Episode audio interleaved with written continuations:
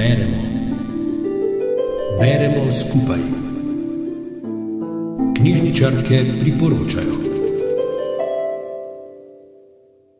Letošnji izbor knjižnih predlogov zaokrožamo z romanom Prijatelj ameriške pisateljice Sigrid Nunez. Osrednja oseba je ženska v zrelih letih. Zaposlena je na fakulteti kot predavateljica kreativnega pisanja.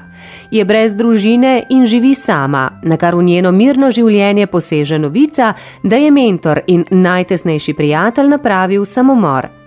Po njegovi smrti prevzame skrb za njegovega psa, veliko nemško dogo Apola, čeprav zase pravi, da ima raje mačke. Njune prve dneve opisuje naslednji odlomek. Večinoma se ne zmeni zame, tu bi lahko živel tudi sam. Včasih vzpostavi očesni stik, vendar takoj spet odvrne pogled. Njegove velike, svetlorjave oči so presenetljivo človeške. Spominjajo me na tvoje. Spomnim se, ko sem nekoč, ko sem morala odpotovati iz mesta, pustila mačko pri fantu.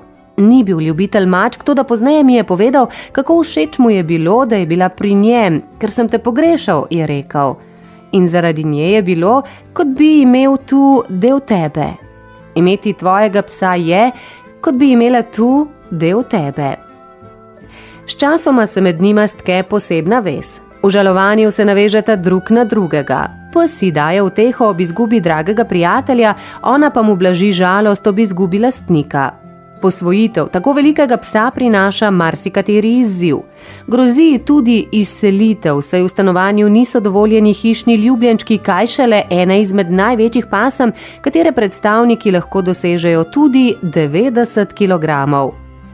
V romanu ne boste našli izrazite zgodbe, se je v spredju razmišljanje. Ob branju sledimo toku zavesti glavne junakinje.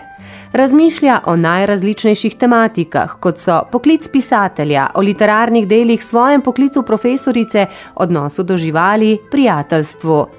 Roman je v veliki meri napisan v neposrednem govoru, saj glavna junakinja nagovarja s tem, kar ustvarja intimno atmosfero. Na tak način nagovarja svojega pokojnega mentorja, psa Apola, včasih pa tudi neznano osebo. Zanimivo je, da so vse osebe brez imen, ima ga le pes. Sigrid Nunez se je rodila leta 1951 v New Yorku. V literarnih krogih je prisotna že več kot 20 let, največji uspeh pa je dosegla prav s prijateljem, ki je njen sedmi roman. Tako kot glavna junakinja romana, tudi sama predava kreativno pisanje. V Ameriki je roman išel leta 2018, v slovenščino pa ga je prevedla Petra Anžlovar. Roman Prijatelj je zgodba o koncih in novih začetkih, pravi Anja Košir in dodaja: Želijo lep zaključek leta, vse dobro v prihajajočem ter veliko prijetnih uric v družbi prijateljic knjig. Pa lep večer še naprej. Rubrika Beremo skupaj nastaja v sodelovanju z Radijem Sora.